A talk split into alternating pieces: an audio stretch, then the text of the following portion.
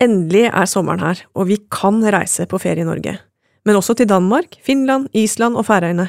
Men ikke til Sverige, bortsett fra Gotland, da. Men dit skal jo hele Stockholm på ferie, skal det ikke? Og vi kan kjøre gjennom Sverige på vei til Danmark, men ikke hvis vi er på vei til Finland.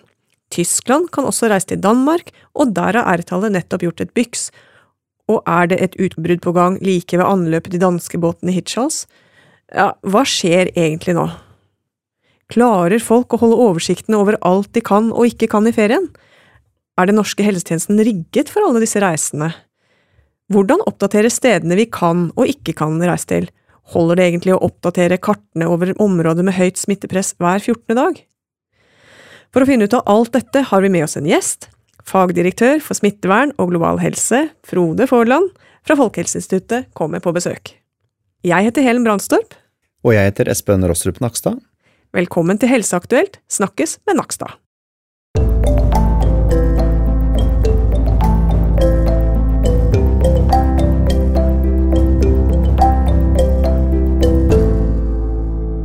Ja, Espen, nå begynner det å bli vanskelig. Nå begynner det å bli veldig vanskelig. Mange ting å forholde seg til. Absolutt. Mm. Dette med reising, Mm. tar vi det stykkevis og delt? Ja, det har jo blitt litt stykkevis og delt. Nå har man jo åpnet for Norden, da. Eh, I prinsippet hele Norden, egentlig. Med da noen regler for hvor mye smitte det kan være i ulike regioner. Som foreløpig har gjort at Sverige da har fått en rødfarge på kartet. Bortsett fra Gotland, da, som du var inne på. Men, eh, og det er jo sånn sett kanskje enkelt å forholde seg til, egentlig. Men eh, så blir jo disse tingene litt vanskeligere når man da skal reise gjennom Sverige, kanskje til Danmark, og kanskje man skal kombinere reiser i Norden. Så jeg skjønner jo at det blir litt komplisert for folk. Folkehelseinstituttet har jo eh, samarbeider vi tett med også på dette. Så eh, Frode Forland, du er vi hanka inn her, for dette, dette jobber dere mye med. Og du har jobba med det hele tiden, ikke sant? Ja, hele tida. Det var nok hvor lang tid vi skal snakke om, da. Men, eh, men vi har jobba mye med dette de siste ukene. Når vi begynte å åpne opp igjen og snakke om hvordan vi kunne åpne opp på en forsvarlig måte. Og vi jobber jo eh, hele tida med de andre nordiske landene og de andre nordiske folkehelseinstituttene og har regelmessige møter med dem. Eh, Og det har vi òg hatt eh, før koronaen, så vi har en god kontakt. Og nå har vi møte iallfall minst hver 14. dag, og hvis det er behov for det, oftere. Og i de møtene så har vi òg drøfta hva som kunne være gode tiltak og rett måte å kunne måle smittespredninga på, og få en oversikt over dette i de ulike landene. Nettopp. Ja, med at du liksom var på dette hele tiden, tenker jeg at du har det globale helseerfaringen, og også Mhm. ansvaret nå. Eh, Så, så, sånn at nettopp dialogen med både Norden og Europa også er godt etablert, ikke sant? Ja, og så er den etablert ikke minst gjennom det europeiske smittevernbyrået, der jeg sitter som norsk representant i det som kalles Advisory Forum. Og der har det òg vært sterke og eh, krevende diskusjoner om hvordan en kan eh, gjøre Europa til ett et Europa, og ikke mange forskjellige land igjen, med veldig mange ulike eh, grenser og vilkår for innreise og utreise i ulike land. Og EU har jo streva litt med å få et helhetlig blikk på dette, og et helhetlig regelverk for dette. For det er jo ikke lett. Vi har litt ulike måter å måle på, ikke sant? Vi har ulike måter å måle på, og folk har ulike måter, landene har ulike måter å rapportere på. og det, Jeg tror jo det er derfor regjeringa nå har valgt å starte med Norden når vi åpner opp igjen. Fordi at vi har tillit til de nordiske helsesystemene. Vi vet at vi kan stole på de tallene vi får, og vi har eh, en gjensidig god dialog. Eh, Og vi har både en språklig og kulturell forståelse for hvordan vi skal forholde oss til eventuelt å bli syke i de ulike landene. Så jeg tenker at det er noen grunnleggende faktorer i dette som, som er viktige også for å kunne åpne for eh, reise på tvers av landegrensene. Veldig bra. Men, men Frode, er det sånn eh, deg bekjent at eh, andre regioner i Europa har gjort noen lignende ting? Og så er det, er det land Sør-Europa som også har på en måte gått i kompaniskap med naboland og etablert noen lignende systemer? Ja, det er litt av det. Eh, De, her baltiske landene har jo åpna for eh, seg imellom, og Finland har òg åpna mot dem nå. Og eh, en del land lenger sør i Europa har åpna for å reise seg imellom.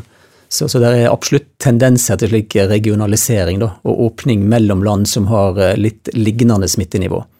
Men så er det jo noen grenser som er mer utfordrende enn andre, og denne norske grensa mot Sverige, som er lang, den har jo vært en av disse utfordrende grensene i denne sammenhengen.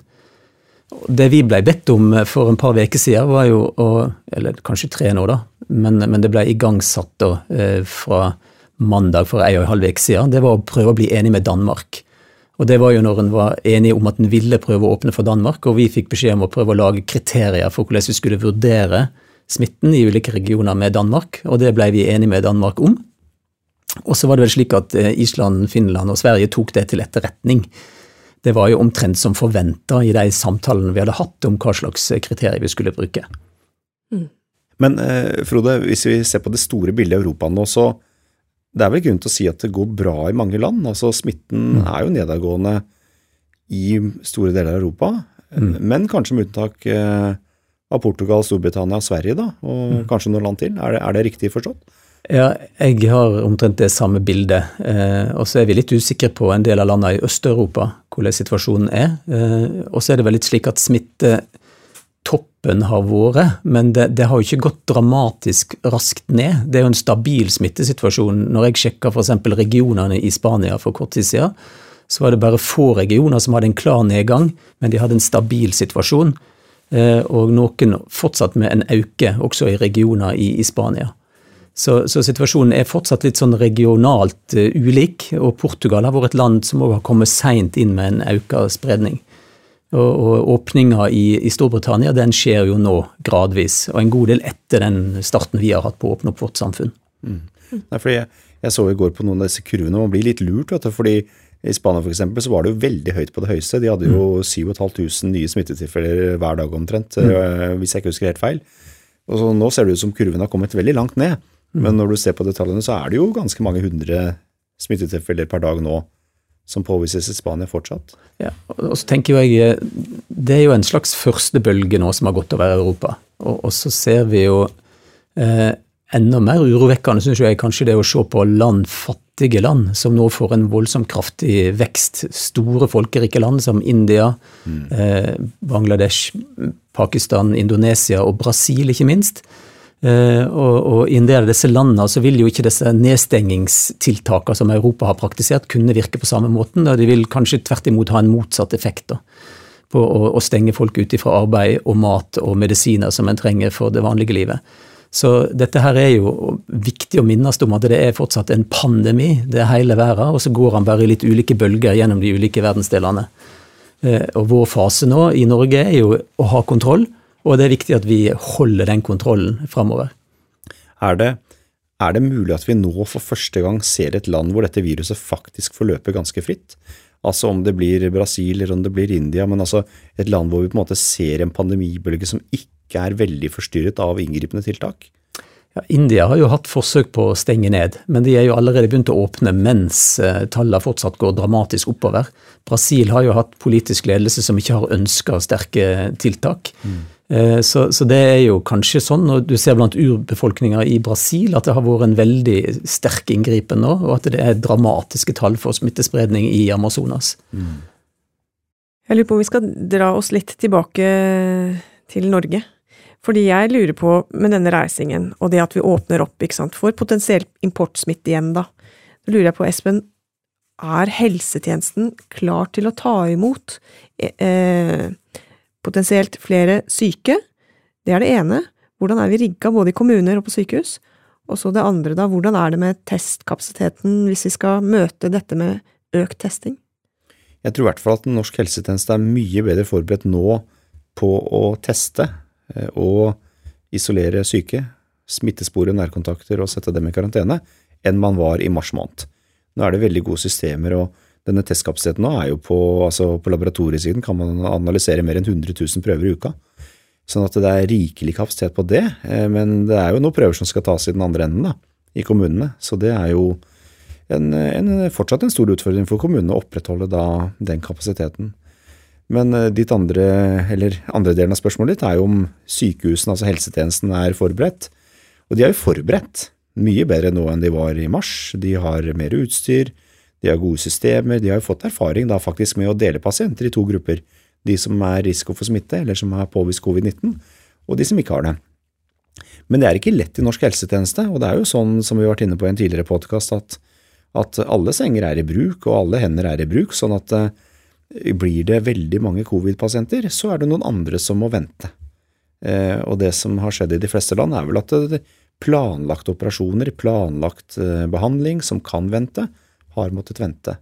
Og da får man det som vi kaller et helsetap, altså at noen i befolkningen eh, får da en dårligere helse enn de ellers ville hatt pga. koronavirus, selv om de selv da ikke har koronavirus. Mm. Så det vil nok fortsatt være et dilemma hvis vi får en bølge nummer to eller tre av en viss størrelse i Norge. Ikke sant. Jeg tenker tilbake fire måneder tilbake i tid. Da var det på Debatten, NRK, og Bjørn Gullvåg sa at nå må vi samle oss rundt solidaritetsdugnaden.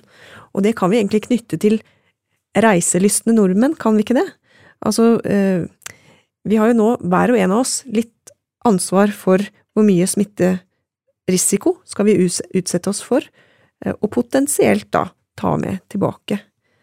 Nei, altså det er jo Man kan jo liste opp mange ting, men i hvert fall tre ting som jeg sitter og tenker på nå. Det ene er jo det vi nettopp var inne på, at eh, det er en, på en, måte en solidaritet mot helsesystemet vårt. At det faktisk kan virke sånn som det normalt gjør for alle de som trenger det. Um, og det andre er jo um, å um, ha en uh, atferd som gjør at vi slipper disse nye, eller disse inngripende tiltakene som vi hadde. Altså rett og slett bidra i den forsikringen eh, av at vi holder dette på et lavt nivå, som eh, hver enkelt kan bidra til. Eh, men det tredje, og kanskje viktigste, er jo at de utsatte gruppene, eller altså de med risikofaktorer, og særlig de i høy alder, de utgjør egentlig en veldig liten del av antallet som faktisk blir smittet av denne sykdommen, noen få prosent, men de utgjør langt over halvparten av de som dør. Sånn at eh, det er fortsatt sånn at eh, solidariteten da, som du snakker om eh, i forhold til de med høyest risiko, og særlig de med høyest alder, det er kanskje det folk burde tenke på mest. For hvis du går syk ut i, det, ut i samfunnet med koronasymptomer og hoster og nyser og smitter mange mennesker, så risikerer du faktisk også å smitte noen som blir alvorlig syke, og det kan få fatale konsekvenser. Så det, det er noe som er viktig å ha med seg også um, i den videre motivasjonen da, for å stå dette løpet ut. Mm, nemlig. Og da får jeg lyst til å utfordre deg igjen, Frode Forland, fra Folkehelseinstituttet, som trekker inn hele verden, og det er flott. Vi kan snakke om solidaritet også i forhold til økt fattigdom, som du ikke sant, mm. nevner som konsekvens. Og reising, og handel, og at vi er i en global verden. Hvordan ser du det? Du ser smitterisiko sant, på en side, men så ser du solidaritet i forhold til samkvem, da, og at vi er én verden. Kan du reflektere litt rundt den spesielle situasjonen vi er i nå? Handler det bare om å gi penger, eller Det gjør det jo ikke, da. Men eh. det handler nok om å, om å, prøve å tenke solidarisk, som du sier, både nasjonalt og, og, og internasjonalt. Ikke minst så vil det være ekstremt viktig når det gjelder når en får en vaksine, når en får effektive behandlingsremedier, at en får en likeverdig og god distribusjon av det. Eh, og vi ser jo i dag at det er jo ikke mulig heller å gjennomføre de tiltakene som har vært innført i vår del av verden. Når ikke du har vann innlagt i huset, når ikke du har tilgang på såpe, når ikke du har tilgang på strøm, så kan du ikke godt ha hjemmekontor. Mm. Og Vi har jo sett eksempler på det fra Sør-Afrika f.eks. med at, eh, at, folk står i lange køer for å få mat, for de får ikke lov å ta bussen for å dra på markedet. Eller, eh, det er mange ting som griper inn i folks liv. Men, og Det internasjonale helseregelverket regulerer jo en del av dette med, med, med reiser og handel, og, gir egentlig ganske sterke føringer på at det skal en prøve å unngå, restriksjoner på det. Men det interessante i denne sammenheng er jo at en har sett at det faktisk med å stenge grenser har vært ganske effektivt for å hindre smittespredning.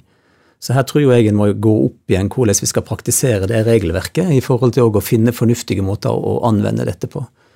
Og så er det jo fortsatt sånn at UD, Utenriksdepartementet sine reiseråd, de gjelder for nordmenn. Og de sier jo fortsatt at en skal unngå unødvendige reiser til alle land i verden, unntatt Norden, minus Skottland. Så, så jeg tenker jo at det er jo en sterk føring, og det betyr at det kan påvirke forsikringer. Eh, og at det kan gjøre det vanskelig kanskje å få helsehjelp i de land en, en drar til, hvis en velger å gjøre det. Og en må regne med å få karantene når en kommer hjem igjen. Men det er jo folk blitt ganske klar over, og vi hører jo nå at en del folk velger å reise til Sverige til hyttene sine langs eh, vestkysten. Og da må de sitte i ti dagers karantene når de kommer hjem. Det er situasjonen for eh, utbruddet i Vestre Jøtaland f.eks. At de er langt over det smittenivået som vi har sett som akseptabelt. Nettopp. Nettopp.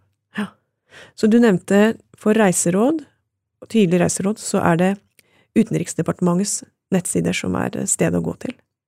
Ja, altså, vi lager jo det faglige grunnlaget for det i forhold til smittesituasjonen i eh, alle land og har oversikt over det, som vi hele tida leverer til eh, Utenriksdepartementet. Men råda, som er formelle nasjonale råd, de ligger på Utenriksdepartementet slash regjeringa sine hjemmesider. Mm. Og Skjer den oppdateringen hver 14. dag, som vi har hørt om, eller skjer det mer fortløpende? nå? Den skjer når regjeringa finner det nødvendig. Vi har fått beskjed om å oppdatere reiserådene for Norden hver 14. dag nå, og komme med nye tall denne veka, som sannsynligvis blir lagt ut på fredag, vil jeg tro. Eh, og, det er i samsvar med at vi nå har laga prøver å lage automatiserte innhentingssystemer for å få tak i dataene, slik at vi kan få dette rett ifra de kjeldene som er i de ulike folkehelseinstituttene i landene, og over på kart som vi kan publisere på. Kjempeflott. Og dette stabler dere på beina i rekordfart, antar jeg? Sånn er det med det meste nå. Der er flinke folk som, som jobber også med disse geografiske informasjonssystemet, sammen med folk som sitter på tall og statistikk, som, som arbeider med det. Jeg tenker at dette er utrolig viktig arbeid. fordi altså, denne pandemien endrer seg jo veldig fort. Mm. Altså, Hvem hadde visst for fire uker siden at vi nå skulle få den oppblussingen i uh, Sør-Amerika som vi har, f.eks.? Selv om vi så tegn i tiden at det var på vei opp da også. Men altså, mm. det er jo Tenker man tilbake i tid, så er det nesten utrolig hvor vanskelig det er å forutsi hvordan dette utvikler seg videre. Og mm. da blir jo det å ha sånne gode kart og overvåkning som du er inne på, blir jo helt avgjørende uh, for håndteringen i mange land.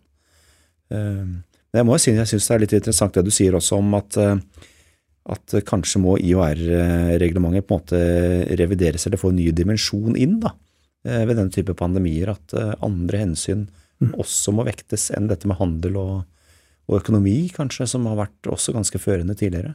Jeg tror nok intensjonen i det internasjonale helseregelverket har vært å prøve å forhindre at en ikke skal kunne komme inn med hjelp og med varer i utbruddsområder. Nettopp. Eh, og at det er fortsatt ekstremt viktig at en ikke hindrer handel i så måte, og reiser på den måten. Og vi så jo òg uhensiktsmessige nedstenginger under SARS-epidemien f.eks. Men i denne epidemien så har det jo vist seg å være et effektivt virkemiddel for å stoppe spredning. Mm. Det bringer jo noen assosiasjoner tilbake til 1918, når eh, amerikanske soldater dro over Atlanteren til første verdenskrig mm. og tok med seg smitte, eh, faktisk. Så um, det var vel siste gang vi hadde en virkelig, virkelig global pandemi. Du Frode, jeg har lyst til å spørre deg. Altså, det er sånn Tyskland kan reise til Danmark, og der har R-tallet nettopp gjort et byks, og vi kan jo reise til Danmark. Og så er det et utbrudd på gang like ved anløpet til danskebåten i Hitchhals. Altså, dette høres litt skummelt ut, kan du forklare litt? Ja, De R-tallene som vi har rundt forbi, de spretter jo fort opp når smittesituasjonen er under kontroll og på et veldig lavt nivå. Og dette er nok eh, uttrykk for noen mindre lokale utbrudd i Tyskland, som påvirker R-tallet for hele landet, fordi at den generelle smitten i samfunnet er lite. Det vil vi òg se i Norge når vi får lokale utbrudd, og det må vi forvente å få. Og det er nok også et lokalt utbrudd i Hirtshals. Og det vil være situasjonen framover. Og jeg tror ikke det endrer det store bildet. Jeg tenker det viktige å si for alle som er på reise, er at de skal oppføre seg som om de har smitten, uten å vite om det. I forhold til den måten de skal omgås det andre. At det er å tenke igjen at du kan være smitta i noen dager uten at du sjøl veit om det, og da skal du holde deg unna andre folk, slik at ikke du kan bringe smitten videre. Kjempebra. Ingen klemming. Ingen klemming, dessverre, annet enn de du er nær fra før. Dere, jeg tror vi skal avslutte. Vi trenger i solidaritetsdugnaden reisebevissthet, og vi trenger også bevissthet om hele verden, for det henger sammen, det er en pandemi. Og her hjemme så er det to ting som står igjen som skal redde oss fra nye utbrudd. Det er énmeteren, hold avstand, og den andre, test deg selv, selv ved milde symptomer. Så selv om vi har mast om det i over tre måneder, så er det fortsatt det viktigste vi gjør. Hold avstand, vask hendene, hold deg hjemme, og test deg hvis du er syk.